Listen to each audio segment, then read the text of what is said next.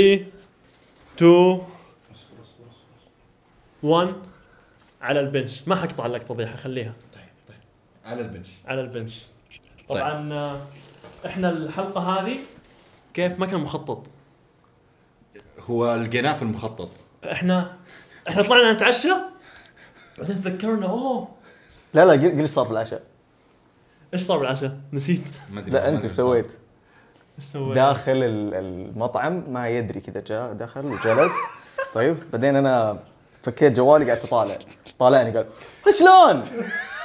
يا جماعة الساعة 11 ونص بالليل وأنا صاحي من خمسة.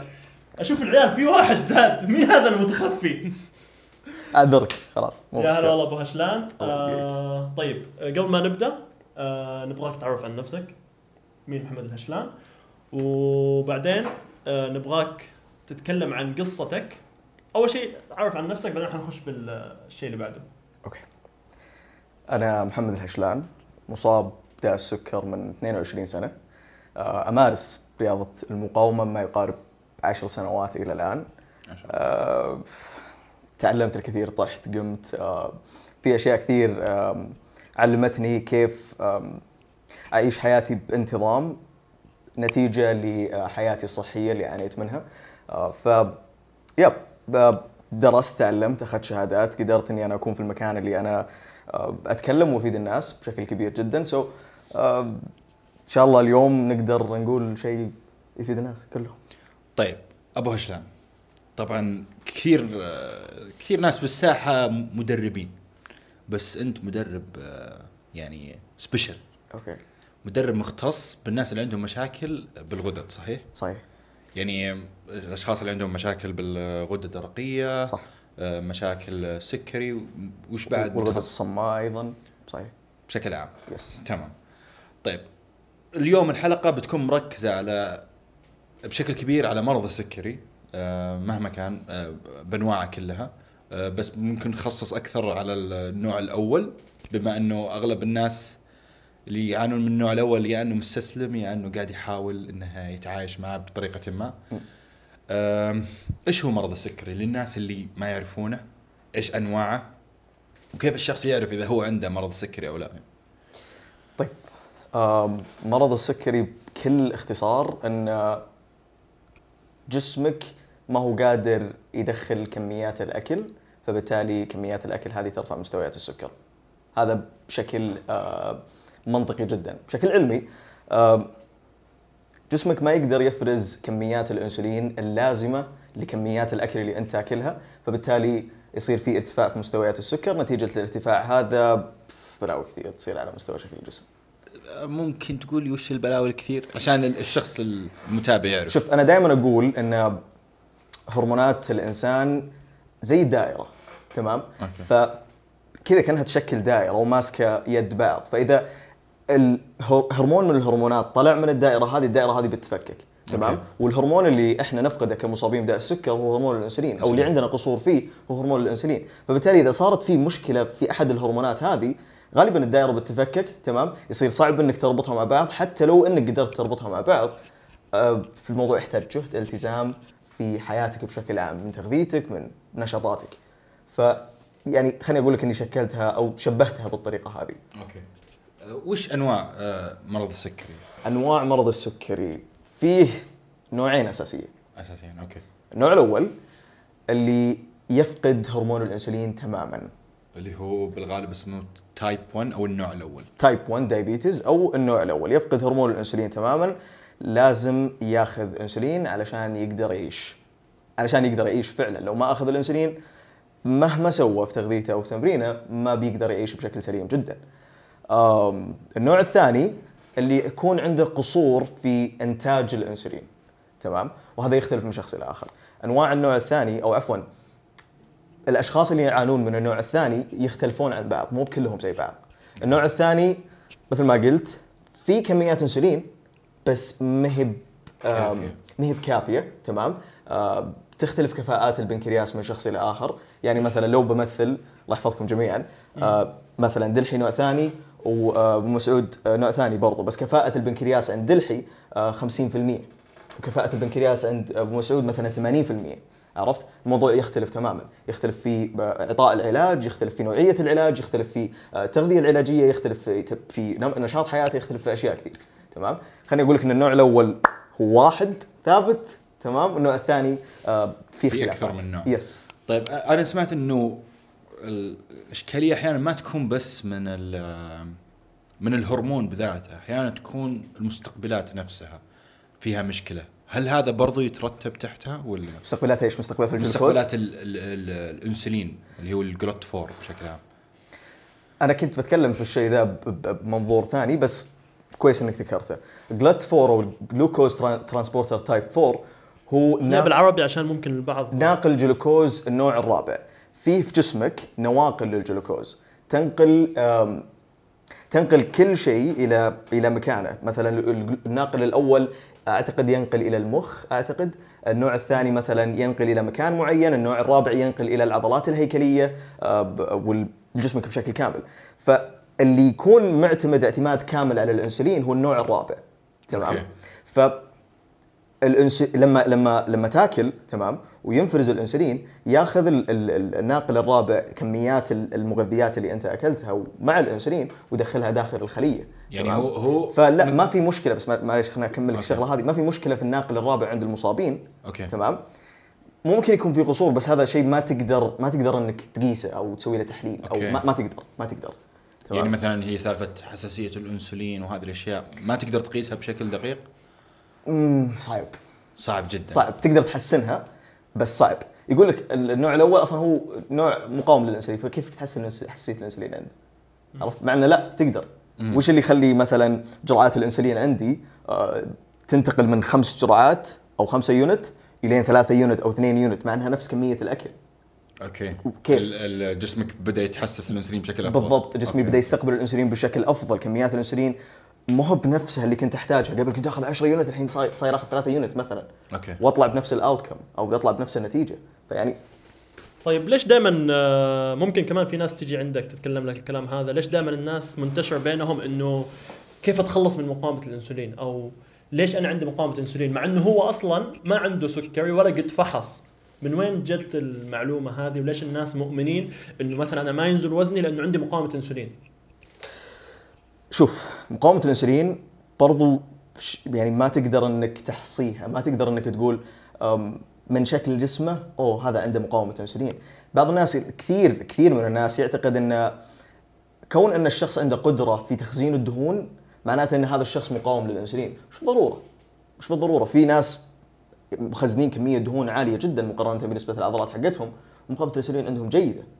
تمام تحصله بيستهلك السعرات بشكل مهول جدا وهيز وهو آه، مفعم بالطاقة فالأمر ما يح يعني ما يوقف عند الشخص آه، سمين أو لا. السمين تمام؟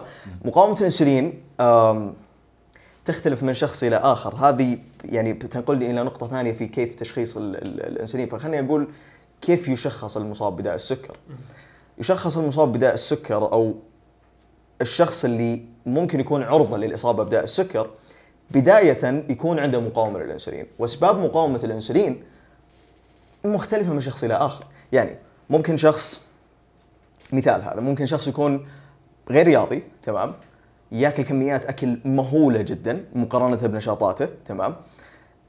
وما يستهلك الكميات هذه بشكل ممتاز جدا فبالتالي الجسم يبدأ يفرز كميات إنسولين عالية تمام؟ فالخلية ما تستقبل كميات الإنسولين هذه فبالتالي يصير في إشكالية في استقبال كميات الإنسولين بشكل متكرر. تمام؟ فهنا ممكن يكون الشخص مقاومة إنسولين داخل الجسم. خليني أقول لك إن هذا الشيء يصير داخل الجسم. الأسباب اللي من برا مختلفة. ممكن شخص تغذيته سيئة ممكن شخص ما يتمرن ممكن شخص آم آم ممكن الهرمونات الهادمه في جسمه عالية جدا لدرجة إنها تعطل الهرمونات البناءة. تمام؟ ففي أسباب كثير. ما نقدر نقول أنت صبت بداء السكر عشان كذا. أو أنت صبت بداء السكر وراثيا.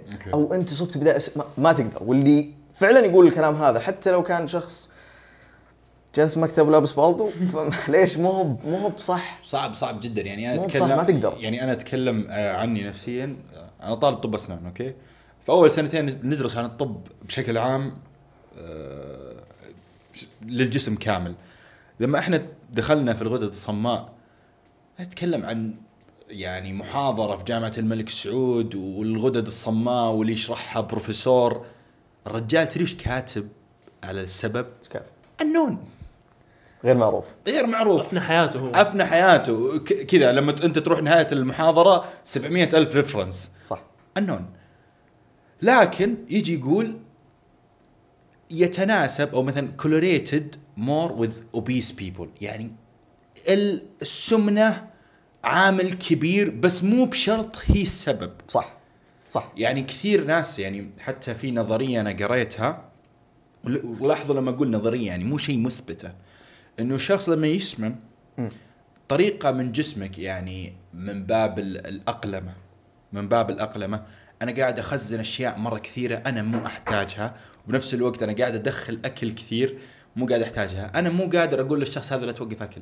فوش طريقة؟ إني أقلل من حساسية المستقبلات هذه مم. ونفسها تكون الأشياء هذه بارزة متبولايت من نفس ال- ال- الخلايا الدهنية هذه النظرية إنه كيف تجي حساسية ال- أو مقاومة الإنسولين. بس برضو في ناس عندهم مقاومة إنسولين مو سمان صح فهمت علي؟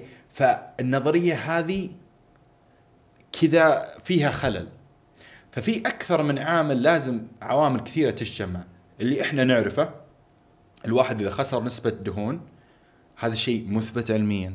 في دراسات كثيرة على هالشيء إنه حساسية الأنسولين عندك بتزيد الشيء إذا زاد حس- حساسية نعم. الأنسولين صحيح. هذا شيء كويس صح. إذا زادت المقاومة هذا شيء مو كويس آه بعدها التمارين مهما كانت التمارين إذا هي عالية الشدة بعدها على طول حساسية الأنسولين عندك تزيد مرة هذا شيء برضو مثبت علميا هذه الأشياء اللي إحنا نعرفها بس عشان ما نوضح للناس هذه ما قبل الإصابة، إحنا قاعدين نتكلم عن ما قبل الإصابة ما ما, نتكلم. عن. المصابين، حتى في شيء ثاني محمد حتى الغدة الدرقية لها عامل كبير جدا في مقاومة الانسولين، الغدة الدرقية ترى تتعود على مدخول السعرات اليومي. تمام؟ يعني إذا. إنك قاعد تاخذ مثلا 2000 سعره يوميا وقاعد تستهلكها بشكل سليم جدا جسمك بيتعود على ال 2000 هذه. لازم لازم الناس تعرف إنه ترى ال 2000 سعرة هذه ما تروح فقط في نشاطاتك اللي أنت تسويها لا. العمليات الحيوية اللي داخل جسمك بالضبط. لها دور كبير جدا في استهلاك الطاقة الحرارية. سري السعرات أو ال- ال calorie intake هي عبارة عن طاقة حرارية. بالضبط. والغدة الدرقيه عشان الناس تفهم كأنه واحد ماسك المولد الطاقة في يا جسمك سلام ال- ال- ال- الدينامو؟ الدينامو. الدينامو يعني يا انه. يا إنه يزيد الطاقة ينقص الطاقة. بالضبط. عن طريق الهرمونات اللي هو يفرزها اللي هي T 3 وال T 4 بالضبط بالضبط. واللي يتحكم فيها اللي هو TS TSH ممكن أي. قبل ما ندخل على المواضيع الجاية ممكن نشرح إيش الاختلاف بين حساسية الأنسولين ومقاومة الأنسولين؟ لأنه في كثير من الناس ممكن يلخبط فيها ويجهل الاختلاف بينهم. okay. حساسية الأنسولين لما يكون جسمك يستقبل كمية الأنسولين كاملة ويستفيد منها. تمام ويقدر يستفيد من كل المغذيات اللي أنت تدخلها الكربوهيدرات البروتين الدهون ال vitamins المعادن يقدر يستفيد منها كلها حلو يعني معناتها الإنسولين ما له بس دخل بالكربوهيدرات برضو البروتين وال أو yes أكيد بس okay. بنسبة كبيرة جدا الكربوهيدرات لأنه هو اللي. يتحكم في آه، ارتفاع okay،. ونزول مستوى السكر بس الحساسيه الإنسولين لما يكون جسمك يقدر يستقبل الكميات هذه بشكل سليم جدا ويقدر إنه يستفيد منها مقاومة الإنسولين لما كأنك تحط مثلا هذه الخلية وراء كأنك تحط جدار والانسولين يبي يدخل بس ما يقدر يدخل كامل. يدخل واحد unit اثنين unit ثلاثة unit تمام؟ ما يدخل كامل. وإذا ما دخل كامل فغالبا المغذيات والفيتامينز والمعادن اللي موجودة هنا ما حتدخل كاملة. فبالتالي تقدر تبحث عن النتيجة. كيف كيف ممكن انه إذا ما دخلت المغذيات كاملة إلى الخلايا وش ممكن يصير في جسمك؟ تمام؟ شعرك يطيح نفسيتك بتنزل مستوى الطاقة عندك آه، يقل جدا آه، تأثير على الهرمونات البناءة ضعف في العضلات ضعف في مثلا الهرمونات الجنسية أشياء كثير ممكن إنها تصير بعد مقاومة الإنسولين. فمقاومة الإنسولين أمر مهم جدا يعني كثير من الناس يمكن يستهين في الموضوع هذا وإنه ما يعرف وش هي بالضبط وكيف ممكن إنها تجي. ممكن تجي لأي احد ممكن تجي فعلا لأي احد طيب تكلمنا عن المرض بشكل عام تكلمنا عن حتى أشياء ثانية جانبية مثل المقاومة والحساسية خلينا نقول أنت كشخص مصاب بداء السكري الأول كيف أول حاجة يعني كيف اكتشفت هالشيء هو عندك مم. هل منذ الصغر عرفت ولا كان في حاجة موقف خلاك تعرفه كيف تعايشت مع هالموضوع؟ وش اللي خلاك تختار المجال هذا بشكل عام؟ وكيف دخلت أصلا اللي هو الحديد والى آخره؟ يعني أعطينا قصتك بدايتك إلى محمد الهشلان الآن. يقول لك every- everything happens for a reason صح؟ مم. طيب كل شيء يحدث لسبب. تعجبني أنت تترجم أول بأول. إي لأن ما ما دخلت على ال mood معاه ما ما في ناس تقول هذا بس تكلم إنجليزي. مسوي لي فيه. لا. لا. آه، شو اسمه؟ طبعا آه، الموضوع معقد بس بحاول أبسطه. okay. من يوم وأنا رضيع عمري بسنة تقريبا آه، كان عندي ربو حاد. فقالوا الدكاتره يا نعطيك كيماوي يا نعطيك كورتيزول. كيماوي لا استبعدناه لأن أنا أعرف ال- النتائج اللي ممكن تطلع منه. آه، وأنا رضيع فما تدري وش ال- ال- النتائج اللي ممكن تصير لي يعني بالنسبة لي أنا. تمام؟ قالوا هلي كورتيزول. كورتيزول له side effect أو له أضرار جانبية.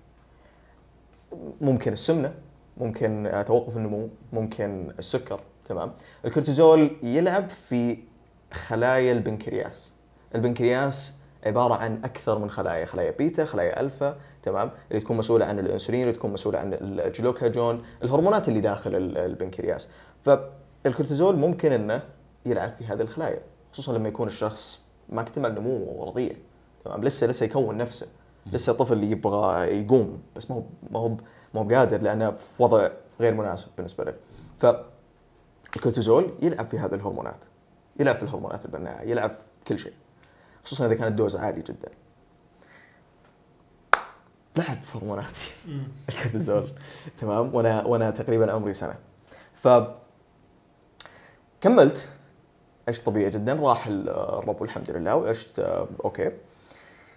في ست سنة وأنا عمري ست سنوات تقريبا. so من من سنة ونص أو سنتين إلين ست سنوات هذه تقريبا أربع سنوات. وأنا أعاني من اضطرابات. okay. آه، طول الوقت طايح وأنا طفل.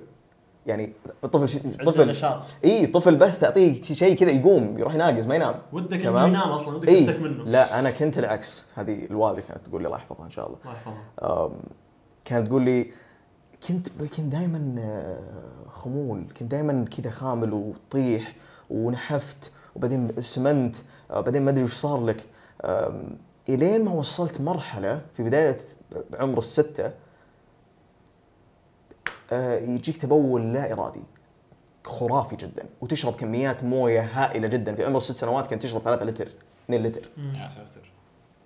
في ناس كبار ما قادرين يشربون ال- ثلاثة لتر هذا وزنك يمكن وقتها. اي فيعني تتكلم عن آه، شيء خرافي جدا. so اكتشفت يوم كبرت قلت أنا أصبت بداء السكر من يوم وأنا رضيع. shit. من يوم وأنا كان زك... كان. سكر ولا حد يتكلم ولا حد يعرف. تمام؟ يعني من يوم ما انت عمرك سنتين أعطوك الكورتيزول لعب هرموناتك دخلت في النوع الثاني صار عندك مقاومة الإنسولين وتغذيتي كانت تغذية أي طفل ما ما, ما كانت في شغلات معينة آه، بتتبعها طفل عرفت؟ تاكل. أي شيء. إي. فهذا الشيء أدى إلى شيء نهائي اللي هو السكر النوع الأول. ففي عمر الست سنوات كان عندي تبول آه، لا إرادي. بشكل مخيف جدا رحنا المستشفى. قلنا الوضع يعني ما يسكت عنه. رحنا المستشفى. شيكنا التراكمي كان 14 إيش يعني وال- للي ما يفهم أربع التراكمي هو السكر التراكمي اللي يقاس كل ثلاثة شهور. يعني سكر الدم اللي يكون ثابت في جسمك تقريبا خليني أقول لك. حتى لو كان في تذبذبات طالع ونازل أو كان منتظم فهذا السكر التراكمي. اللي يكون آه، مرتبط ي- يشوفون ال- الشيء اللي مرتبط مع السك مع الكريات الدم الحمراء على بالضبط. اي بالضبط. على عشان تكون. دقيق اي اي ولازم يكون سبعه أو المفروض إنه يكون range. سبعه عشان تكون شوف الناس طبيعي. الطبيعية من خمسة الين 5.5 أو 6 تمام. أنت آه ثمان. أنا triple triple yes. triple وأنا طفل so so, um, قال الدكتور he has to stay with us for six days يعني لازم يجلس معانا لسبع أيام قال الوالد okay تمام. إيش المشكلة؟ قال في سكر. أنا ما ما ادري شلون ما أدري. قمت اتاكد المستشفى يلا. أنا رحت اتاكد المستشفى آه، فله كان عندهم game room حلو عجبني. سلكوا لك لعبوا إيه. عليك فما ما كنت أدري تمام. ولا كنت أعرف ولا شيء. متنوم آه، تجيني بعد كل وجبة تعطيني إبرة أنا كنت أحسبها part of العلاج يعني أو جزء من العلاج تمام؟ اللي أنا موجود في المستشفى فيه وأنا ما أعرف وش أصلا تمام؟ إلين ما تستوعب شيء ثاني. تستوعب إنه يوم طلعت من المستشفى أوه صار الوضع متكرر. الوالدة صايرة تجيني بعد كل وجبة تعطيني الإبرة و... okay إلى الآن تمام ست سنوات عمره سبع سنوات ثمان سنوات لين ما تطلع للحياة. تبدا تصير غصبا عنك اجتماعي تروح المدرسة تروح الروضة تروح تروح تروح يكن. وأنت طفل تبدا تقارن نفسك بشكل كذا يعني direct لا إرادي. تقول أنا ليش ليش قاعد آخذ إبرة وهم ما يأخذون؟ الناس ما يأخذون. السالفه ليش ليش قاعد يأكل هو واللي يبيه وأنا ما قاعد آكل؟ شوف عشان بس أوضح لكم إنه للطفل ترى هذا كل شيء. للطفل كل شيء في منظور الطفل انه يستأنس تمام؟ انه ياكل اللي يبيه انه يكون عنده حرية أكثر انه ما يكون مقيد لأن في وجهة نظر الطفل هذا كل شيء تمام؟ أنت لما تسمعني الحين طالع يقول لي إيه طيب وش ما اكلت شيء؟ وش اللي؟ يعني أنا لو أسمع نفسي الحين بقول عادي بس يعني أنت أنت أنت كطفل يا أخي دائما تحب تقارن نفسك بين الأطفال الثانيين. هذا شرى لعبة. ليش أنا ما عندي اللعبه ليش هذه؟ ياكل شوكليت ليش أنا إي ليش أنا لا؟ فكان فكان أمر آه، مزعج اجتماعيا جدا. لدرجه اني حتى يوم كنت آخذ الإبرة كنت أتوزع وكان أحد يعطيني إياها و... والناس تطالع وصارت في مواقف اللي يضحك واللي كان الأمر مزعج بنسبة خرافية جدا. كنت أفضل أجلس لحالي ولا أجلس مع أحد.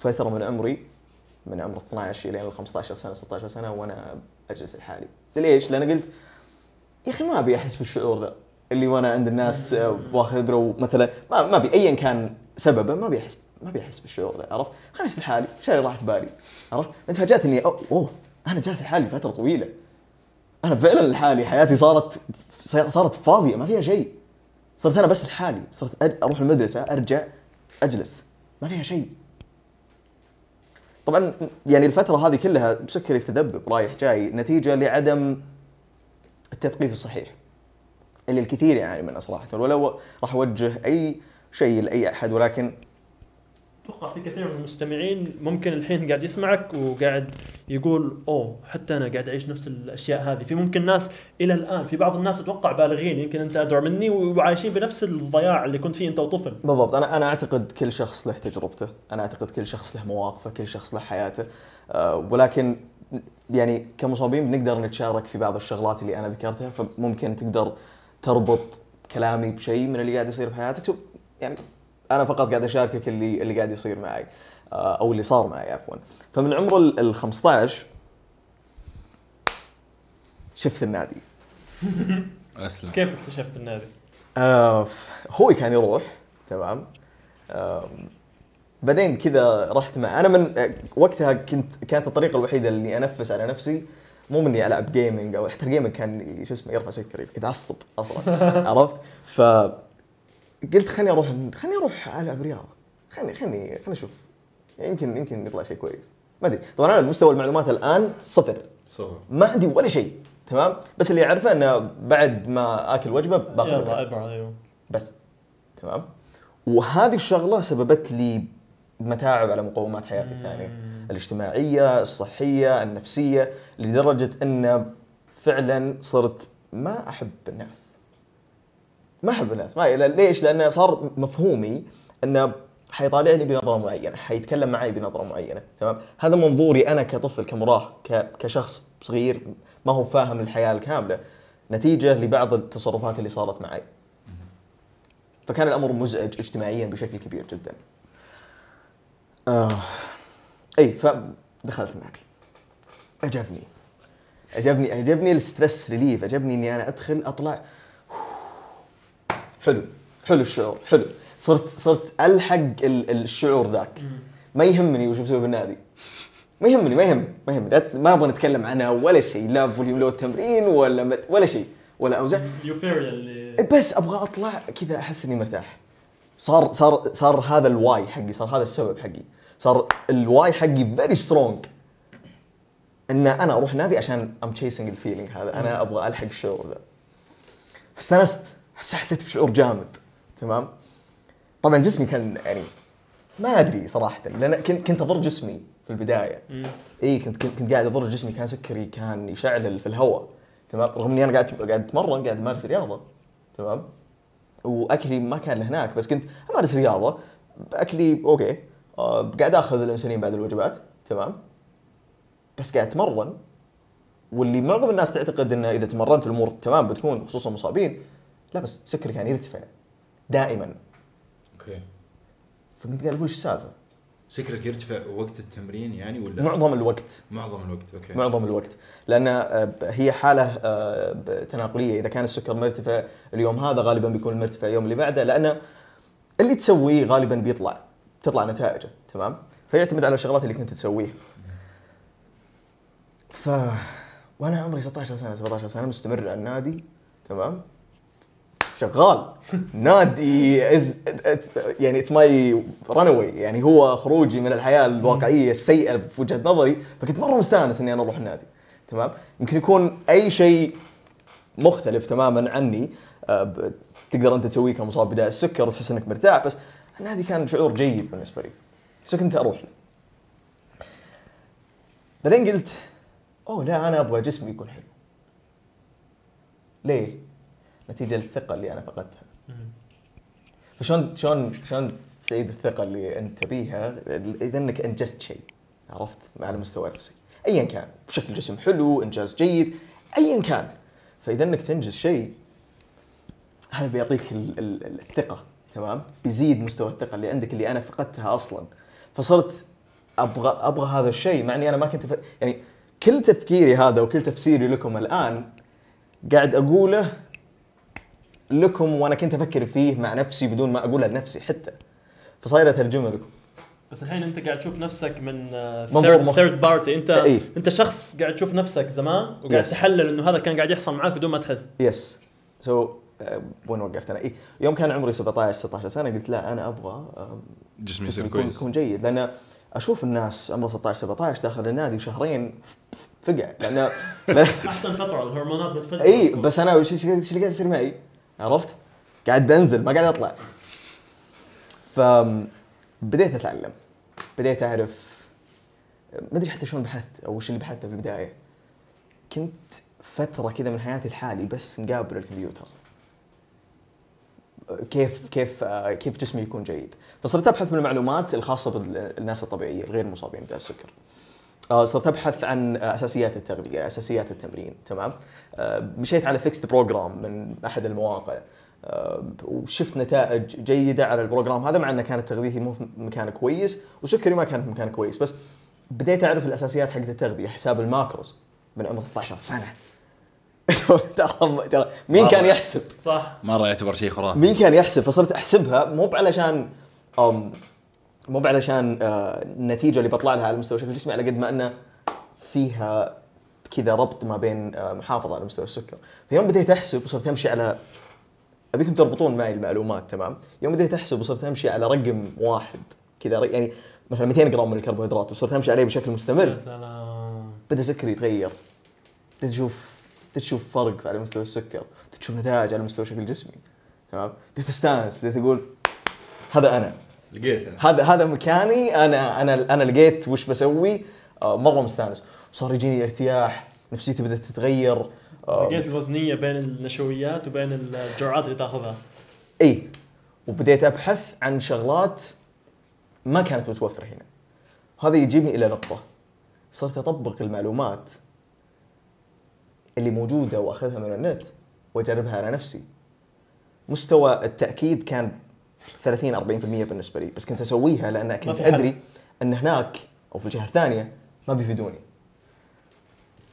أو بيعطوني كلام نفسه وما بيفيدني وبطلع بنفس النتيجة وأنا ما أبغى هذا الشيء. أو إنه. اقطع النشويات لا تتمرن مثلا. اقطع نشويات لا تتمرن جرعات ثابتة. جرعات ثابتة جريمة. ليش ليش تاخذ جرعات ثابتة؟ ليش تاخذ جرعات ثابتة وأنت نومك متغير؟ آه، مواعيد جرعاتك متغيرة أكلك متغير وأنت مواعيد وجباتك متغيرة أشياء كثير متغيرة. فكيف تاخذ جرعه ثابتة على أي أساس؟ ليش يعني يمكن طيب لنفترض إنك شخص ما تحسب اكلك ولا تبي تحسب اكلك تمام؟ إذا لك اليوم تاكل مثلا لك خلق تاكل رز وبكرة مالك خلق تبي تاكل سلطة يا أخي. تاخذ نفس الجرعة؟ غير منطقي ابدا. ابدا غير منطقي. غب ابدا ابدا غير منطقي. ولما تروح تسوي تبغى تبغى تاخذ معلومة تقول له والله مثلا أنا في اليوم هذا أخذت سلطة بيقول لك okay خلاص قلل جرعاتك. طيب ما أنت في اليوم الثاني بتروح وبتاكل رز مثلا؟ يعني ما في شيء ثابت. يعني لازم تعرف كيف تتصرف علشان تعرف يعني كيف تاخذ جرعتك أو تاخذ علاجك أو تاخذ وتاخذ وتاخذ الأمر مهم جدا لكل مصاب بداء السكر. فوين وقفت كذا؟ بحياتي أنا وقفت بعدين لما بديت تكتشف بدا يتحسن جسمك. إي وبديت اتحسن جسمي وبديت أعرف تفاصيل أكثر طبعا مرحلة التعلم ما كانت متوقفة ابدا حتى الآن. فكنت أبي أتعلم أكثر وأكثر. كنت اطالع ناس كثير. كنت غالبا ال- الأجانب تمام؟ لأن مستوى مستوى المعلومات كان عندهم متاح بشكل كبير جدا مقارنة بالعرب و آم، فكنت أطالعهم وكنت أشوف الناس الطبيعية. لأني كنت مهتم أحب الرياضة. على قد ما أنك كنت ابي أبي أكون في مكان كويس على مستوى صحتي. ف بديت أتعلم الشغلات الأساسية الخاصة بالرياضة هذه وكيف أربطها بكوني مصاب بداء السكر ولقيت توافق خرافي. لقيت توافق جبار جدا. أن لما أسوي كذا وأنا مصاب بداء السكر ترى هذا الأفضل بالنسبة لي. وهذا جابني إلى نقطة مرة كويسة. ليش رياضة المقاومة هي أفضل رياضة للمصابين بداء السكر. ليش؟ بقول لك شغلة أنت عشان تدخل معي في ال- ال- الحوار ما أبي بس أتكلم عن الحالي. طيب. عطني أو قول لي تمام كيف العضلات الهيكلية في جسمك أو عضلاتك تاخذ الجلوكوز؟ مين اللي يعطيها الجلوكوز؟ مين اللي يعطيها الجلوكوز؟ إي مين اللي يعني مين sorry مين اللي يعطيها الطاقة؟ ال- انت لما تاكل الجلوكوز اللي يكون دا يدور في ال- في الدورة الدموية هو اللي الجلوكوز وإيش؟ والأكسجين. والأكسجين. okay. والجلايكوجين المخزن جوا العضله يا سلام عليك. بس هذا يعني خليني أقول لك الجلايكوجين تختلف النسب حقته يعني ما ما هو ب- ما هو ما هو بشيء ثابت. مم. ممكن على حسب المخزن عندك على أصلاً. حسب على حسب المخزن عندك. طيب يعني الجلوكوز أكسجين. أوكي. إذا كانت بافضل حالاتها عندك ادائك الرياضي بيكون إيش؟ توب. خرافي جدا. تمام؟ إحنا كمصابين بداء السكر ما نبي نحرم نفسنا من الكربوهيدرات أو من ال- الأكل اللي إحنا ناكله. بس في نفس الوقت نبي نستفيد من كمية الجلوكوز هذه إنها ما تضرنا. فالرياضة هذه تستخدم كمية الجلوكوز كلها اللي أنت تاكلها وتحطها في عضلاتك تمام؟ واللي هو افوج شيء ممكن إنك تسويه. إنه ما هو بس تاكل الجلوكوز وممكن eventually أو تلقائيا أو في الأخير يتخزن كدهون مثلا إذا كان أعلى من احتياجك أو إذا إنه ما كان ما كان محسوب صح يرتفع مستوى السكر لا خليني أستفيد من الجلوكوز هذا برياضة المقاومة وأخليه ينتقل إلى العضلات عضلات، حقتي. إيه. فبالتالي يصير في تحسين في مستوى السكر شكل جسمي يتحسن صحتي تتحسن أشياء كثير تتحسن. كأنها مثل الزبالة. وانت بكرامة. وانت بكرامة. بس إنه بس ما أدري يعني على طول اللي في بالي أنا يعني هناك. مستودع يعني. مثل المستودع. أنت تبغى تصرف الجلوكوز فيه. اي وتصرف بس إنه بنفس الوقت له فائده يخلي جسمك أحلى. اي بس يعني المثال اللي قلته مو ب- مو ما له فائده ابدا. لا كان كان كان كان ما أدري ما شيء أدري. تصرف فيه الجلوكوز. شيء تصرف فيه ويطلع لك بنتيجة جيدة. شيء تمام؟ عكس ما إنك بس تاكل وما يصير عندك تصرف في هذا الأكل اللي أنت أكلته أنت لازم تفكر كذا كمصاب بداء السكر. ضروري تفكر بالطريقة هذه إن الأكل اللي بتاكله وين بيروح؟ وين بروح إيش بيصير؟ فهي مثل الاتفاقية win win situation بالضبط. الكل بيفوز. كل بيفوز. عضلاتك عضلاتك بتفوز وتنبني في نفس الوقت أنت بتحافظ على مستويات الدم. بتحافظ على مستوى الدم بتحافظ بتحافظ على مستويات مستويات مستويات السكر في الدم. آه، بتحافظ على شكل جسمك. الرياضة هذه لها إيجابيات بشكل عام. دلحين ممكن يقول لكم عن الإيجابيات ال- في حياتك على مستوى حياتك بشكل عام. ف خاصة أتوقع بعض الأنواع من الـ type 2 يستفيدوا بشكل كبير لأنه هو أصلا قاعد يزيد من حساسية الأنسولين بجسمه. هذا شيء. so قاعد يزيد من حساسية الأنسولين قاعد تستفيد من كمية الجلوكوز اللي أنت تاكلها بشكل كامل تمام؟ آه قاعد تطلع بنتائج خرافية. فليش ما هي بأفضل رياضة؟ لا هذه أفضل رياضة إلى حد ما. رياضة المقاومة اللي تحط ضغط على العضلات حقتك وتاخذ عضلاتك كمية الجلوكوز هذه اللي انت أكلتها هذه تقريبا أفضل للمصابين طبعا. إذا أنت أصلا مصاب بداء السكري وفي نفس الوقت ما تبغى تلعب حديد في أنواع كثيرة من رياضات المقاومة أو yes CrossFit آه آه calisthenics آه إيش فيه؟ إيش فيه بعد؟ calisthenics gymnastics أي حاجة أهم شيء إنك تحط مقاومة على العضلة عشان العضلة تنجبر إنها تستخدم الجلوكوز كامل اللي أنت أكلته تمام الموضوع ما يقتصر فقط على رياضة كمال الأجسام أو رياضة آم، حمل الأثقال على قد ما إنه حط مقاومة على العضلات طيب حقتك. كيف الرياضات الهوائية مع ال... كويسة وما هي بكويسة تمام؟ يعتمد. الرياضات الهوائية. يعني مثل الج... سباحة، الج... جري. الجري. الكارديو المشي ايا يكن هذا ممكن يكون سيء للمصاب بداء السكر على فكرة. okay. تصريح قوي. yes ممكن يكون سيء المصاب بداء السكر. خل أعطيك مثال. أم إذا أنا شخص سكره مرتفع بيقول لك خليني أروح أمشي عشان أنا نقصه. ما يدري انه إذا مشى هذا هذا المشي يحتاج إلى طاقة. فبالتالي الجسم يفهم بالطريقة هذه. طالما أن هذا الشخص قاعد يمشي فبالتالي أنا لازم أعطيه طاقة. سكره اوريدي مرتفع. فخلني أعطيه من الجلوكوز المختزن في جسمي. داخل الكبد. فيروح ال- ال- الكبد يخ...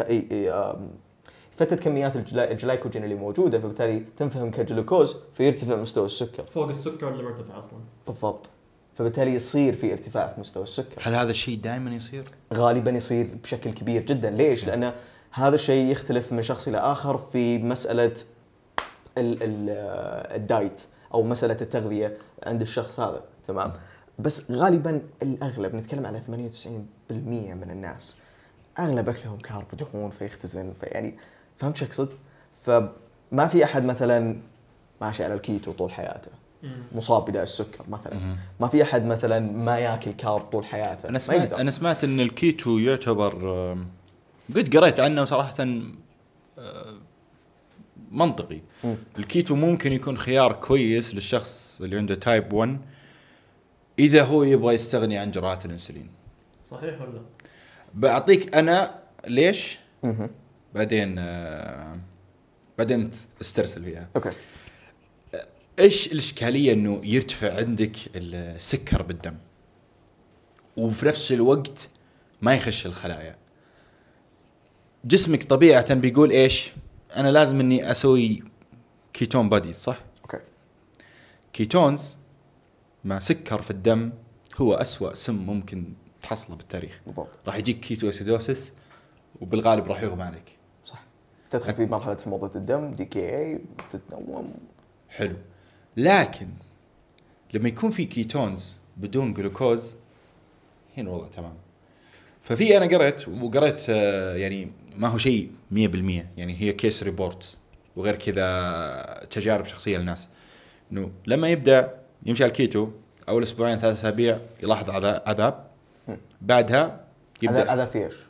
أنت تتكلم على المصاب بداء السكر اي؟ مصاب مصاب بداء. السكر. مصاب بداء بداء السكر إيه، لازم إنه يوزع جرعات الإنسولين حقته بطريقة ما ولازم يكون واحد مراقبه بشكل كويس صحيح حبه حبة يبدأ يستغني عن الإنسولين ويقدر يعيش بقية حياته بدون إنسولين إذا هو بيكون على الكيتو وكيتو صح وقدر يلتزم عليه. اي وقدر يلتزم عليه. بس مو كل الناس يقدروا يلتزم على الكيتو هذا الموضوع منتهين منه. إحنا بنتكلم بال theory هذا مم. يعني أو بال concept هذا. طيب أنا بتكلم من جميع النواحي؟ طيب. الكيتو من وجهة نظري diet غير ممتع. تمام. أنت دائما وابدا إذا إنك تبي تحصل أو تدور diet تبي diet تقدر تستمر عليه. تقدر تستمر عليه. تقدر تستمر عليه. يكون لذيذ. تمام. آه يكون يعطيك نتائج. تخيل ينزل لك rib-eye كل يوم تقدر تقدر. تلتزم. عليه. وتقدر وش اسمه ويعطيك صحة أفضل. تمام؟ هذه هذه مقومات ال diet الجيد. طيب؟ okay. إذا إنك تبي تسوي كيتو لفترة معينة علشان تحصل على نتائج معينة هذا شيء مختلف تماما. للناس الطبيعية ما راح أتكلم عنه. تمام؟ في كثير في عندنا حلقة تكلمنا في عنه. في كثير تكلموا عن هذا الشيء. وأنتم برضو تكلمتوا ما قصرتوا. للمصاب بداء السكر. لازم نعرف إن في مقومين أساسية للمصاب بداء السكر علشان يقدر يحافظ على مستوى سكره ال carb والإنسولين. الكيتو هل في carb؟ لا ما في. بنسبة 10% 5% شيء شيء يعني بشيء بشيء بشيء مرة قليل. شيء ما تقدر تحسب عليه إنسولين. بالضبط إيه. okay؟ فما تقدر إنك تحسب الإنسولين نظرا لعدم وجود ال- ال carb. okay خل هذه على جنب. أنت قلت كيتو صح؟ وش الكيتو الصح عشان يفهمونه؟ صراحة كم نسبة الدهون وكم نسبة البروتين وكم نسبة ال carb؟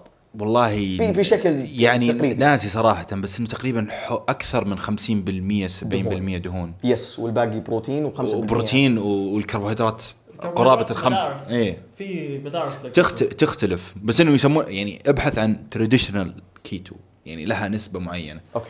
واللي يعالجون فيه بالضبط الناس اللي عندهم صرع وإلى آخره. بالضبط. فيه شيء أساسي لابد ال- الكل يعرفه. ثلاث عناصر اساسيه للتغذية ال carb والبروتين والدهون كل واحد منهم مهم جدا. إنك تقطع واحد منهم هذا ما هو بتصرف سليم جدا. حتى لو كان في keto diet diet فلاني اي ايا كان وناس تمشي عليه وتشوف نتائج. ايا كان أنا شخصيا ضد الشغلة هذه. ال carb مهم الدهون مهمة البروتين مهم. كل منهم يسوي شغل تمام؟ نتيجة لفقد أحد العناصر هذه حيصير في إشكالية داخل جسمك. أنا اعلمك لنفترض إنك شخص تدخل ال carb والبروتين والدهون تمام؟ وقلت تمشي على الكيتو خليني أخذ الكيتو تمام؟ خليني أجرب الكيتو يمكن يعطينا نتائج أفضل على مستوى الشكل الجسمي ولا على سكري ولا ايا يكن. كل اللي يصير فقد الكربوهيدرات راح ينتقل جسمك علشان ياخذ الطاقة إلى الدهون. الدهون بتدخل في مرحلة مطولة جدا داخل جسمك. بعمليه تسمى استحداث الجلوكوز. راح جسمك يضطر إنه ياخذ الطاقة من الدهون. إذا الدهون ما كانت متوفرة ياخذ جسمك بيروح للبروتين عشان ياخذ الطاقة. بياخذ الأمينو أسيدز بيحللها أيضا عن طريق آه، عملية مطولة وبياخذ الطاقة حقته. ليش؟ لأن جسمك يحتاج الطاقة علشان يعيش علشان الأعضاء اللي داخل جسمك عشان عشان أنا أكلمك وتشوفني وأنا أشوفك وناخذ ونعطي وكي يحتاج طاقة يحتاج طاقة يحتاج الكربوهيدرات. إذا الكربوهيدرات عنصر مهم ليش تقطع اعرف كمية الكربوهيدرات حقتك. بس. إذا إنك عرفت كمية الكربوهيدرات أمورك تمام. وتقدر تستمتع بالكربوهيدرات. فهنا ننتقل للنقطة الأساسية لأنه ليش أغلب المصابين بالسكر ما يعرف إنه ال- ال- الجرعات اللي لازم ياخذها؟ وكيف ممكن يبدأ إنه يتابع كميات الكارب تبعه؟ لأنه آه، أبو هشلان يعني صديقنا من فترة طويلة ودائما نطلع مع بعض في حاجة لاحظتها فيه أي مكان. نروح وناكل فيه ياكل نفس الأكل اللي إحنا ناكله تقريبا. وبدون ما إنه يحسسنا إنه مثلا عنده سكري أو أي حاجة. يعني هذه الحاجة دائما أنبهر منه فيها. فممكن تقول لنا كيف ممكن الشخص يتعلم عن الكميات المحددة له؟ وكيف ممكن يقيس الجرعات اللي هو ياخذها بطريقة مناسبة مع الكميات هذه؟ طيب فيه شغلة أساسية لابد يعرفها كل مصاب بداء السكر النوع الأول يستخدم سريع مفعول من الإنسولين وبطيء مفعول من الإنسولين. آه، أنا أنصح كل شخص مصاب بداء السكر ايا كان نوعية الانسولين اللي أنت تاخذها، إذا ما كانت سريع مفعول وبطيء مفعول راح غيرها. لو كنت تاخذ ميكس، لو كنت تاخذ مخلوط، لو كنت تاخذ ايا كان نوعية الانسولين أنا أفضل إنك تاخذ سريع مفعول وبطيء مفعول لأكثر من سبب. عشان يكون عندك حرية أكثر، علشان تكون مرتاح على مستوى حياتك، علشان تقدر تمارس اللي أنت تحتاج إنك تمارسه أو اللي تبغى أنت تمارسه، تمام؟ يا أخي كثير من المصابين بداء السكر يصير طول حياته منشغل بوش بياكل، وش يسوي، وش ما يسوي، يصير ما عنده وقت لنفسه إنه يروح يفكر بالشيء اللي يبغاه هو أو هواياته أو شغلة اللي يحبه، عرفت؟ يصير طول عمره قاضيها بصحته وشلون إيش أسوي وش ما أسوي. وهذه يعني الغلط مو هو عليك على ناس ثانية ما علمتك تمام لأنه مو بالمفترض إنك تتعلم كل شيء هذه حادثة صحية صارت لك تمام أنا آسف جدا إنك أنت ما حصلت ال- الوعي الكافي بس إذا إني بقدر أفيدك أنا أبغى أفيدك تمام فالشغلة اللي بس بذكرها إن كل مصاب بداء السكر لابد انه يستخدم سريع مفعول وبطيء مفعول عشان يكون مرتاح أكثر. إذا إنك استخدمت أو قاعد تستخدم السريع المفعول والبطيء المفعول لا تأخذ جرعات ثابتة.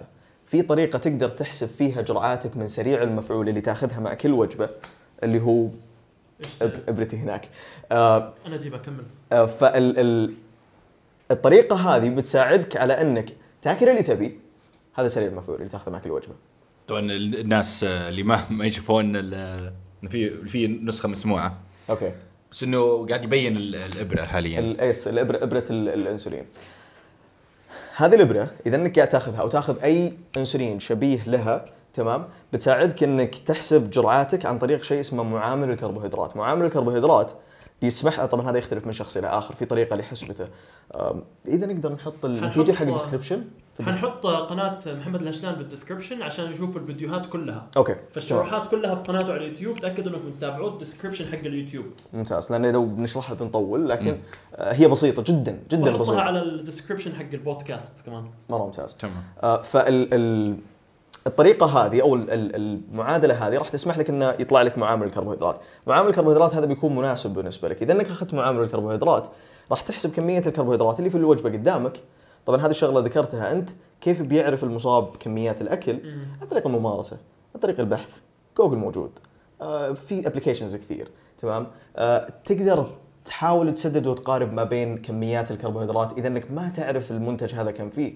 تمام؟ إذا ما كان في حقائق غذائية ورا الأمر بسيط جدا. الناس كثير معقدة الموضوع هذا بس وانس إنك تبدأ أو بس إنك تبدأ الموضوع جدا بسيط جدا.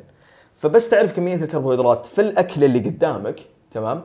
آه تقدر إنك تقسمها على المعامل حقك بيطلع تطلع لك اليونت عشان بس اللي فهمته أنا ممكن الشخص اللي قدامي يفهمه المعامل هو مثل ال... كمية الإنسولين اللي أنت بتاخذها وكم بتأثر على الجلوكوز اللي أنت بال... بالدم.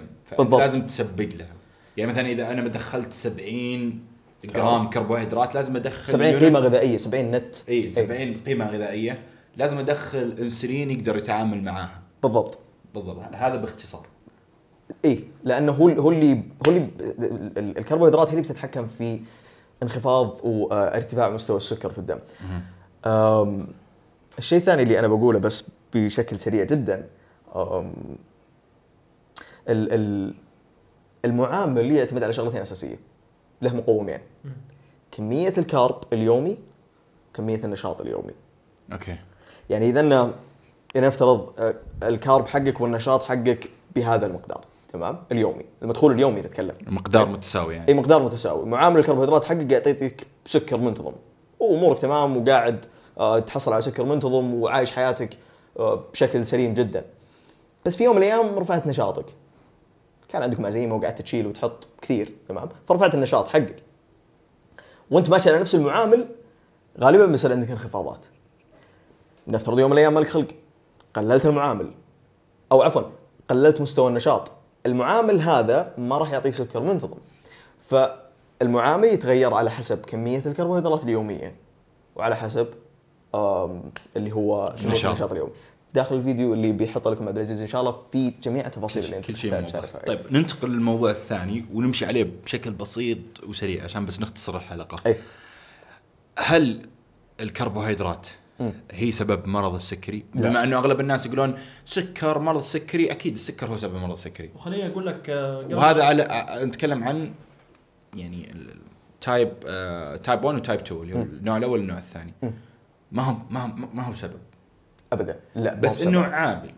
عامل آه، وإذا وجد في بعض الحالات ممكن يزيد من آه، خطورة أو يزيد من إصابة فرصة إصابة داء السكر. لكن عا- عامل قوي جدا بس عشان نحطه تمام؟ مرة مهم العامل ذا.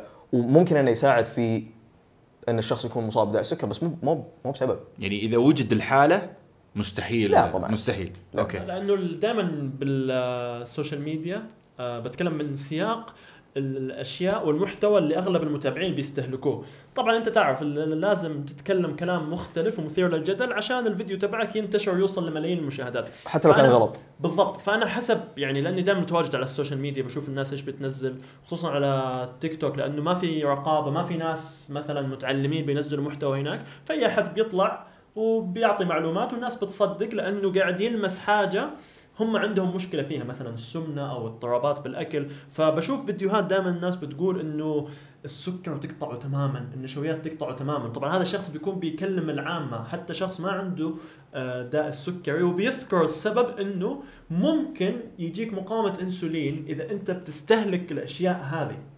أنا ودي أروح لو اطقه بالضبط والله العظيم. لأن في كثير من الناس ترى أنا أشوفهم حتى أنت يمشي عليك اي بس إنه يعني ليش؟ لأن تجيني استفسارات كذا.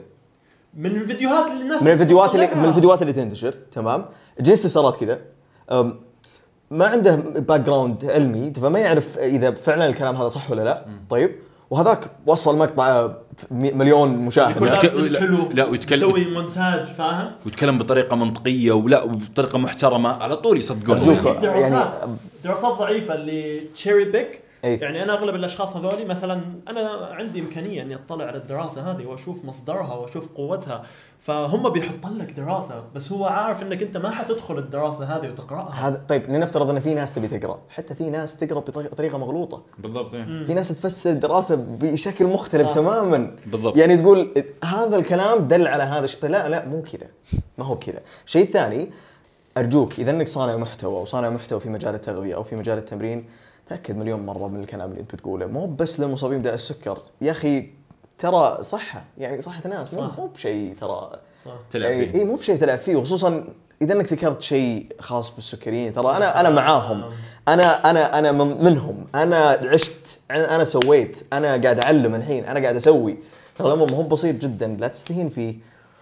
أرجوك. دائما أنا لما يجيني أسئلة متخصصة بحالة مرضية معي- معينة يا إني ما أجيب أو إنه أحولهم على شخص ممكن يجيبهم بشكل أفضل، أنا حولت كم شخص عليك ما أدري كلموك ولا لا، مم. إنه يقول عندي سكري إيش أسوي؟ لا تواصل مع الهشلان لأنه هو متخصص بالشيء هذا وحيفيدك بشكل أفضل مني، أنا عارف الأساسيات، عارف إيش هو السكري، ممكن أس... بس الح... بس الحالات أنا- ممكن تكون مختلفة. شكرا جزيلا. أي. الحالات حتكون مخصصة. ممكن هذا الشيء ينقلنا للشيء الثاني إنه كيف تتعامل؟ أكيد أنا متأكد إنك دربت أشخاص. أنت متخصص بتدريب الناس اللي عندهم السكري ف كيف تتعامل مع متدرب عندك؟ يبغى يعدل جسمه بس عنده كمان داء السكري. إيش تشوف الأغلاط أو المشاكل المنتشرة بينهم واللي أنت تساعده إنه يتعامل معاها ويحسن من نفسه فيها؟ أنا دائما أقول آه كذا ستيت واضح أو مقولة واضحة. السكر منتظم جسم جميل. ما راح تقدر توصل إلى الجسم اللي أنت تبغاه بدون ما يكون سكرك منتظم. حافظ على سكرك. ايا كان هدفك. تبي تقلل نسبة الدهون تبي تزيد نسبة العضلات آه، تبي تحافظ ايا كان دائما وابدا. عدل سكرك. بيتحسن جسمك. إذا إنك ماشي على خطة التغذية وخطه التمرين السليمة. لأن فكرة إنك تعدل السكر ترى داخل جسمك تعني الكثير. لك فقط أنا بعدل سكري. فقط بشوف رقم جميل جدا. داخل جسمك أشياء كثير كثير مختلفة. كثير فيها فيها تفصيل داخل جسمك ويفهمها جسمك بالطريقة اللي المفروض إنه يفهمها فيها. هرموناتك تكون بأفضل صورة. أم، مستوى الدم عندك يقدر ينقل المغذيات بشكل سلس جدا. آه، إذا نقلت المغذيات اللي أنت أكلتها فبالتالي جسمك بيستفيد منها كلها. لو بنذكر كل مغذي أو بنذكر كل فيت فيتامين أو فائده مثلا المغنيسيوم للعضلات فائده ال- البوتاسيوم فائده الصوديوم ندخل في تفاصيل كثير ما بنخلص. تمام؟ فان المغذيات هذه تدخل بشكل سليم جدا اللي بيساعد في هذا الشيء السكر المنتظم. فحافظ على سكرك علشان تقدر فعلا توصل للنتيجه اللي أنت تبيها. شيء ثاني تأثير ال- ال- ال- التمرين على مستوى السكر أيضا مهم. تمام؟ آه لابد التمرين يحسب على حسب الكميات اللي موجودة وعلى حسب الهدف. تمام؟ علشان نقدر نوصل إلى النتيجة اللي إحنا نبيها. التمرين التغذية السليمة بيساعدون إن السكر يكون منتظم تمام؟ وإن النتيجة توصل آه إلى الشخص اللي آه يطمح. ولازم نحط في بالنا يعني كل المعلومات اللي قاعد يقولها أبو هشلان هذه أشياء تنطبق على يعني الشخص اللي عنده مرض السكر. لأن أنا كثير ناس أواجههم يطبق الأشياء هذه وهو أصلا إنسان سليم. أوكي. يعني أنت جسمك قادر إنه ينظم السكر آه إذا هو ما في المشاكل هذه ما يحتاج إنك تسوي أي تعديلات يسويها يعني الشخص المصاب بالسكري. إيه، في في يعني- اختلافات كبيرة محمد. يعني مثلا الشخص الطبيعي مثلا إذا أنا بيعدل في مستوى الكارب أو في مستوى الدهون بيكون عنده الحرية إنه يسوي هذا الشيء تقريبا. إلى حد ما على حسب الخطة. بس ساعات إحنا كمصابين بداء السكر نكون مقيدين فهذا الشيء ممكن يأخرنا كنتائج على مستوى شكل الجسم مقارنة بالناس الطبيعية. فهذا أيضا يجيبني إلى نقطة لا تقارن نفسك بناس ثانية يا أخي. بالضبط. خصوصا إنك مصاب. يا أخي شكرا إنك قاعد تتمرن. شكرا إن نتيجتك جامدة. أنت جبار جدا إنك قاعد تسوي الشيء. هذا ترى هذا شيء فعلا جبار إنك قاعد تسويه. فلا تعتقد إنك قاعد تسوي شيء عادي. طيب آه ممكن في حاجة إن سهينا وما تكلمنا عنها أي. اللي هو المعدل الجلايسيمي ممكن ناخذه بشكل بسيط. وهل الشخص ال- يعني المصاب بالسكري لازم مرة يهتم بهالشيء؟ وهل الشخص الطبيعي اللي ما عنده آه، سكر. هل المفروض يهتم بهالشيء أو لا؟ طيب. بس عشان نوضح المعدل الجلايسيمي هو ال- ال glycemic index هذا موجود في كل عنصر كربوهيدرات أو موجود في كل صنف كربوهيدرات تمام؟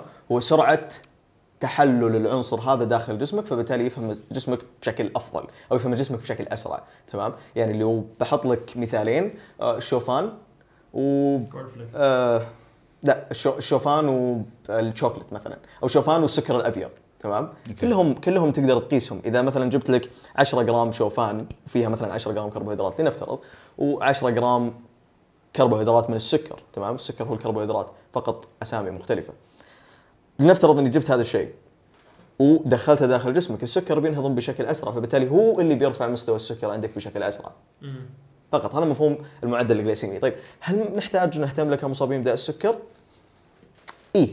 نحتاج نهتم له في في بعض الأحيان. في بعض ال ال ال الأوقات على مستوى اليوم ساعات نحتاج معدل جليسيمي من الكربوهيدرات أقل أقل ولا أكثر؟ لا أكثر. معدل الجليسيمي أكثر فبالتالي آه، ينهضم بشكل أسرع. okay. إي فإذا كان نحتاج آه، معدل جليسيمي أكثر في بعض الأحيان. مثلا بعد التمرين م- هذا الشيء. بالضبط السكر عندك مرة منخفض. تروح تاكل شيء. عندك منخفض إلى معتدل فتحتاج إنك تاخذ ال- ال- المعدل الجليسيمي العالي فبالتالي تقدر ترفع مستوى السكر بشكل آه، أسرع. بقول شيء ال carb هو ال carb. لنفترض إني جبت 20 جرام و20 جرام و10 جرام و10 جرام زي ما قلتها فراح تحسب وراح تعطى جرعة نفس نفس الشيء. تمام؟ بس السرعة. هذا بياخذ 10 دقائق هذا بياخذ 30 دقيقة. تمام؟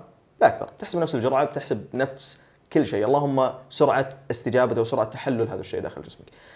نقدر شوف المعدل الجليسيمي اللي بيهتم له بشكل كبير جدا اللي حاب إنه يوصل إلى مستوى جيد على مستوى شكل جسمه.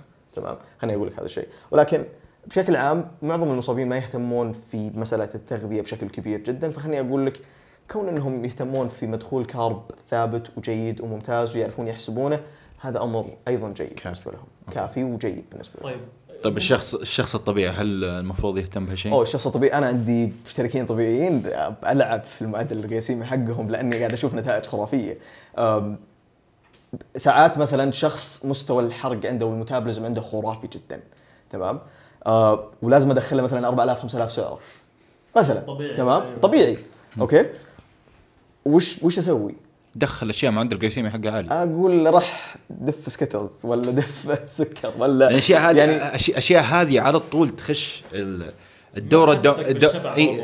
تخش الدورة الدموية بسرعة آه، في نفس الوقت جسمك يتخلص منها بسرعة ويتصرف معها بسرعة مو نفس ما اخذ شوفان يعني أنا أنا مثلا أخذ شوفان بيقعد في جسمي كذا مستوى مستوى الألياف والدهون ياخذ وقت ساعتين ثلاث ساعات كذا غاثك لما تخش آه، وجبة ثانية. في يعتمد على السياق أنت كإنسان طبيعي ما يحتاج تشغل بالك بمعدل الجليسيمي وإنك تاكل وان نظامك الغذائي مليان بأكلات معدل الجليسيمي حقها عالي هذا الشيء ما راح يخليك تصاب بالسكر. yes. هذا هذا شغلة مهمة جدا. كون إن المعدل الجليسيمي عالي في وجباتك هذا مو معناته إنه تصاب داء السكر أنا مثل ما قلت ال carb هو ال carb. يعني إذا أنك أخذت 200 جرام carb المعدل الجليسيمي فيها معتدل أو منخفض مقارنة بمعدل الجليسيمي مرتفع من ال 200 carb هذه ما راح يجيك سكر. هو الفرق البسيط فقط إنه إذا نظامك الغذائي كله معدل جليسيمي عالي راح تكون أغلب الوقت جوعان. جوعان. أغلب الوقت جوعان الإنسولين سبايك حقك عالي يعني الإنسولين بيقعد طول الوقت مرتفع ما بتنزله تمام؟ ما بتقدر. لا، في شغلة برضو مهمة آه، ما أدري إذا أقدر أذكرها ولا لا اللي هي هرمون ال- ال- النمو يشتغل عكس هرمون الأنسولين. فتحتاج أنت في يومك إن هرمون النمو يكون عكس هرمون الأنسولين إلى حد ما كإنسان طبيعي. تمام؟ آه، كإنسان مصاب السكر بندخل في تفاصيل أكثر. لكن حط في بالك إنه دائما جسمك بيحاول يلقى طريقة للأقلمة. آه، مهما كان معدلات آه، السكر عندك عالية هذا مو معناته إن جسمك بينتج صفر growth hormone انسى هالشيء. يعني صح. آه، كثير ناس يفكر دائما أوه أنا بخش كيتو عشان والله zero insulin هرمون النمو. مليون. إيه، مم، مستوعب. لا أوه بمشي على نظام الصيام متقطع عشان هالشيء. صح. جسمك دائما في حالة برمجة. يعني حالة برمجة. يعني لا تتوقع إذا أنسولين طلع معناتها صفر جروث هرمون لا ممكن 70% أنسولين 30% جروث هرمون في دائما جسمك حتى أغلب الناس تظن أو الأنسولين طلع ما فيه خسارة دهون. لا الأنسولين إذا طلع بيقلل خسارة الدهون صح. في فترة زمنية معينة. وبعد الفترة أول ما ينزل ال ال يعني الشيء هذا بيتم تعويضه. صح. بتزيد خسارة الدهون الفترة اللي بعدها. بالضبط. فمهما كان نرجع للمحور الأساسي كمية السعرات حقتك باليوم هي الأهم. وبالنهاية الشيء اللي انت بتسويه على مدار اليوم هو اللي بيحدد إيش راح يصير بجسمك. مو شيء انت سويته بساعة واحدة ولا شيء سويته بوجبة واحدة. لا تنشغل بالأشياء الثانوية اللي بتعتقد إنها ممكن تنقلك إلى المرحلة الثانية بينما دائما وابدا تسمع. اهتم بمستوى السعرات حقك وكمية السعرات، اهتم بحمل تمرينك، اهتم بالشغلات اللي تقدر إنك تطورها بشكل تدريجي إلى ما توصل إلى المرحلة اللي بتكون فيها في وضع ممتاز جدا على مستوى صحتك وعلى مستوى شكل جسمك. كون إنك قاعد بس قاعد تخبط علشان تحصل طريقة توصلك بشكل أسرع تمام حتى لو إنك تعتقد في وجهة نظرك إن أنت ماشي في مكان كويس وأنا إنسان صحي جيد مرة كويس استمر بس حط تركيزك بمكان أفضل حط تركيزك بمكان أحسن علشان تقدر توصل للنتيجه اللي أنت تبيها. تستمر عشان تستمر. العقلية هذه أصلا ما هي ما هي كويسة وأنا أعرف ناس زي كذا نظام اللي ينط من برنامج لبرنامج نظام غذائي للغذائي. رجال مستمر okay؟ مم. بس إنه أنت دائما عقليتك تبغى تروح للشيء اللي بيوصلك لشيء اكبر أسرع بطريقة أسرع. فخليك خليك واثق من خطواتك. واثق من خطواتك. وفي النهاية أنت إذا استمرت على هال هال هالشيء بتوصل مرحله توقف نفس نفس ال- الآن بما إنه قاعد نتكلم على سياق ال- السكري والإنسولين دائما ال- الناس بي demonize إنه بيخلوا الإنسولين هو الشيطان. فحتى في بعض الناس بيطلع بيقول لك إنه الإنسولين هو المسؤول الأول عن السمنة. فلذلك في بعض ال advocates بيطلعوا بيتكلم على النظام ال low carb أو نظام الكيتو في سياق إنه حيكون إفراز الإنسولين أقل بالأكلات اللي أنت قاعد تاكلها مما حيؤدي إلى آه، سمنة أقل. ولكن ما هو مستوعب أصلا إنه مثلا حتى زي ما ذكرت أنت إنه الأكلات اللي يكون ال glycemic index حقها عالي. عالي يرفع لك الإنسولين هذا ال spike مؤقت حينزل. ما هو. ما هو مستمر معاك طول اليوم واللي حيحدد إنه أنت قاعد تزيد وزنك أو وزنك قاعد ينقص هو كمية السعرات وكمية الأكل وليس آه مستوى أو معدل الانسولين بالدم. وهذا الشيء مثبت بعدة دراسات سووها قارنوا بين الناس اللي مشيوا على الكيتو اللي هو نظام الإنسولين فيه يبقى منخفض بشكل أعلى من النظام ال- ال- العالي بالنشويات. واكتشفوا إنه على المدى البعيد المجموعتين قاعدين يأكلوا أقل من احتياجهم مجموعتين خسروا نفس كمية الدهون. وغير كذا يعني في شيء يمكن كثير ناس ما يقولونه بس ترى الشخص المصاب بنظام بالنوع السكري الأول إذا عرف يستخدم الإنسولين بطريقة كويسة ممكن يحصل نتائج أفضل من الشخص الطبيعي. شوف بقول لك شيء. صحيح أم لا؟ نسبيا. نسبيا. ليش هذا ما تقول؟ قول لا. لا لا مو مش ما لأنه ترى أنا- للمعلو... للمعلومية يعني الانسولين يعتبر من من أفضل الهرمون يعتبر من أفضل الهرمونات البناءة. هو اللي ياخذ الاكل ويدفه ها؟ هو اللي ياخذ الاكل بالضبط. أغلب لاعبين كمال الأجسام اللي تشوفهم في الفئة المفتوحة أغلبهم ترى يستخدم ال... الإنسولين إحنا ما نتكلم إن هذا الشيء جيد ولا بنقول لا تسمعوا لهم اي. اي لا بس بس بس أنا تسمع أتكلم يعني أنا شفت أنا شفت ناس عندهم يعني مصابين بالنوع السكر الأول وما يستخدمون أي شيء غير ال- الإنسولين الإنسولين يعني هم بس يتلاعبون بالإنسولين بطريقة معينة. عشان يوصلون نتائج مرة حلوة آه طبعا أنا ما أدري صراحة هذا الشيء صحي ولا لا بس بنفس الوقت إذا هم آه التراكم حقهم كويس السكر حقهم منتظم بالغالب ما في أي خليه مشكله يعطينا الزبد أول فإي شيء. فكثير ناس. شو كثير ناس أشوفهم يعني آه، عندهم نوع سكر أول ويجوني على الخاص يتشكون ويتعذرون من هالشيء. حبيبي إذا عرفت تستخدم انسولين بتصير اسطوري يعني. خلينا نشوف العلم. لا تسمع له إذا عرفت تستخدم لا لا اسمعني شوف. إحنا كمصابين بداء السكر نفقد الإنسولين تماما تمام. فناخذ إنسولين خارجي مثل اللي أنا آه، وريتك إياه. الإنسولين الخارجي هذا ترى الأمر ما هو ما هو بسيط زي ما يقول محمد. يعني في ناس قاعد تسوي الشغلة هذه. بس معقد هو معقد. معقد جدا. الأمر الأمر جدا معقد تمام. يعني في ناس ما تعرف تحسب جرعاتها عشان تحافظ على سكرها تبيها تستخدم. انتبه.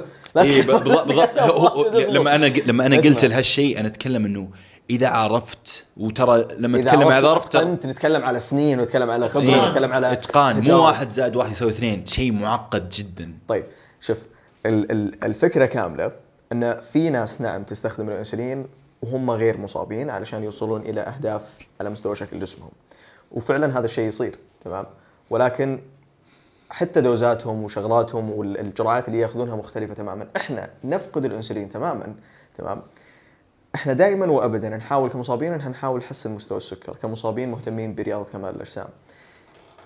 إذا إنك تبغى تاخذ هذا الشيء إلى ال next level الأمر آه، يحتاج يحتاج ترتيب يحتاج برسم خطة يحتاج أحد يكون مشرف عليك.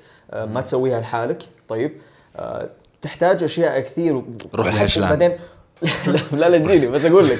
وبعدين والفكرة كاملة انه أنا ما أشوف إن لها داعي. أكيد. يعني حافظ بالنهاية- على بال- اسمع حافظ على سكرك عرف كم تحسب من احتياجك من الإنسولين تمام؟ عرف كم احتياجك من الكربوهيدرات والبروتين والدهون. خذ الخطة المناسبة من آه، خطة تمرينك إذا إنك مهتم برياضة المقاومة. استمر على هذه الشغلات صدقني بتشوف نتائج خرافية. يمكن يكون بعض الأحيان عندك ادفانتج عن الناس الطبيعية لأنك تستخدم هذا الإنسولين بس مو بشرط يكون عندك هذا الشيء عرفت؟ اسمع لا تقارن نفسك بأحد حاول بس يكون هدفك الأساسي إنك توصل إلى شكل جسماني جميل وتحافظ على صحتك تمام؟ لا تشوف الناس الثانية وتقول أنا أبغى أوصل كذا ولا أنا أبغى أشوف كذا حتى لا تسمح لهذا التفكير مع نفسك تمام؟ ابدا لا تطالع أحد تك على جوالك تمرن حط. تركيزك بشيء ثاني. لا تقارن نفسك صدقني لأن هذا أمر متعب جدا. على فكرة حتى لما نتكلم على الغير مصابين مم. الأشخاص اللي بيأخذوا الإنسولين ك ما- مادة بناءة. موضوع خطير. لأنه جداً. يحتاج وزنية معينة وفي حتى ال- ال- ال- القصة تبع دالاس آه، لاعب كمال أجسام دالاس. نسيت اسمه. عمره 24 22 23 وين عمره 25 و300 باوند. أيوه وزن- مرة عالي. كان أيوة. مرة عالي. أيوه كان- وصار عنده crack وطاح في ال stage أتوقع مرة. أيوه وبعدها توفى. دخلوا عليه الغرفة لقوه ميت. والقصة أو ال theory اللي طلع إنه كان ماخذ جرعات عالية من الانسولين وما دخل كمية أكل مناسبة لها وجاله هبوط و- وما في أحد لحق عليه ولقوه ميت. فحتى هذا الموضوع لغير وعلى فكرة هذا هذا ممكن الشيء يصير للمصاب. حتى المصاب ها. هذا ممكن الشيء يصير للمصاب إذا كان استخدامك مجنون جدا في الجرعات. يعني ترى على فكرة اللي بيدك هذا إذا إنك مصاب ترى هذا أمر مهم جدا. ترى هذا يفرز ب ب ب بتصاريح و و وإلى آخره. فقط يصرح لك كمصاب بداء السكر إذا إنك تحتاج هذا الشيء. فلا تستخدمه صح اعرف كيف تستخدمه صح أول شيء. أنت ليش جبت الموضوع ده؟ ليش جبته؟ اثاره إثارة جدا. أنا شو أنا أشوف كذا نسكر أنا شايف إنه قبل ما هذا ممكن يعني تعطينا كذا نصائح. أنا شخص مصاب بالسكري سواء النوع الأول أو النوع الثاني إيش تعطيني نصائح أطبقها عشان أوصل لجسم كويس وصحة كويس؟ دائما إحنا بنحط الصحة ثم الجسم خصوصا للمصابين. فبعطينا نصائح نختم فيها الحلقة وتكون مفيدة وعملية للشخص اللي حيسمعها. تمام. حسب خبرتك تجاربك والمتدربين اللي كانوا عندك. حطها في نقاط. أيوه. okay؟ واحد اعرف مدخولك من السعرات كم؟ من الكربوهيدرات والبروتين والدهون. خصوصا الكربوهيدرات. خصوصا الكربوهيدرات. حتى لو إنك شخص ما تبي تتمرن okay؟ إذا إنك شخص فقط مصاب بداء السكر اعرف كربوهيدراتك اليومية ودهونك وبروتينك وركز على الكربوهيدرات لأن هذا الشيء اللي بتاخذ عليه الإنسولين حقك. هذا يقودني إلى النقطة الثانية. النقطة الثانية لازم تعرف كم معامل الكربوهيدرات حقك. إذا إنك عرفت كم معامل الكربوهيدرات حقك راح توزع الكربوهيدرات اليومية على وجبات. نفترض أربع وجبات. نفترض مدخولك من الكربوهيدرات 200 حسبته عرفته حطيته 200 قسمته على أربع وجبات عندك كل وجبة فيها 50 جرام كربوهيدرات. إذا عرفت المعامل حقك لنفترض أنه كان 10 فبالتالي راح تقسم ال 50 على العشرة. إذا جرعاتك في كل الوجبات عبارة عن خمسة. تمام؟ 5 unit من الإنسولين. إلا إذا كان السكر عندك مرتفع في أحد الوجبات فبالتالي ممكن إنك تأخذ جرعة التصحيح وتضيفها على آه، جرعة الكربوهيدرات وتأخذ الإنسولين حقك. في بعض الحالات إذا كان السكر جدا مرتفع أنا أفضل إنك ما تاكل أي شيء تصحح تنتظر ساعتين بعدها ممكن إنك تاكل الوجبة. وهذا السكر من 300 الين آه، 400 500 وانت طالع. الأمر الثالث شوف الرياضة اللي تحبها. ما بقول لك آه، اختار رياضة المقاومة، رياضة المقاومة من وجهة نظري وبطريقة علمية جدا. مثل ما شرحت أفضل رياضة للمصابين بداء السكر نتيجة للعمليه اللي تصير داخل جسمك. ورياضة المقاومة مش فقط حمل الأثقال. عندك الكاليستانكس أو الجمباز آه، عندك ال- الكروسفيت أي رياضة تقدر تحط فيها حمل على عضلاتك عشان جسمك يقدر يستفيد من كمية. الجلوكوز. تمام؟ الرابعة أم، حافظ على روتين يومك. روتين يومك مهم جدا. كون إنك شخص مصاب بداء السكر كل يوم تصحى بوقت وكل يوم جرعتك بوقت وكل يوم وجباتك بوقت. إذا اختلفت مواعيد وجباتك بتختلف مواعيد جرعاتك جسمك يفهم جسمك يدور أو ي... يصير في adaption أو يصير في adaptation يصير في برمجة وجسمك يتعود مثل ما قال أبو مسعود. فبالتالي لازم إنك تحط system خاص فيك. طيب؟ ك standard. إذا يوم من الأيام مر وخرب ال system هذا أنت تعرف إن ال system هذا بترجع له يوم بكرة أو بعده بس أهم شيء يكون عندك standard تمشي عليه. تمام؟ مواعيد وجبات مواعيد جرعات الأمر مهم جدا. حتى في مسألة آه، أمر طويل المفعول. طويل المفعول هذا أنا راح أتكلم عنه وقلت بتكلم عنه من زمان ولكن في مفاجأة لهم. يعني بتكلم في مفاجأة لهم يخل... خليهم يس... لا. وين يتابعوك؟ آه، خلوهم يتابعونا على سناب تمام؟ لأن المفاجأة هذه بتكون قريبة إن شاء الله. بحط جميع حسابات تمام. محمد الاشلام راح راح تكونون بنفسكم تسوون كل شيء. راح تكون دكتور نفسك. بإذن الله. طبعا كل مصاب بداء السكر بيكون دكتور نفسه وما بيحتاج أي أحد في أي شيء. بحياته الصحية انه يستشير أي أحد. بتكون تحتاج نفسك بس. آم، فالامر الأخير بس أساس أختم ال- الكلام عندي. صحتك مهمة جدا.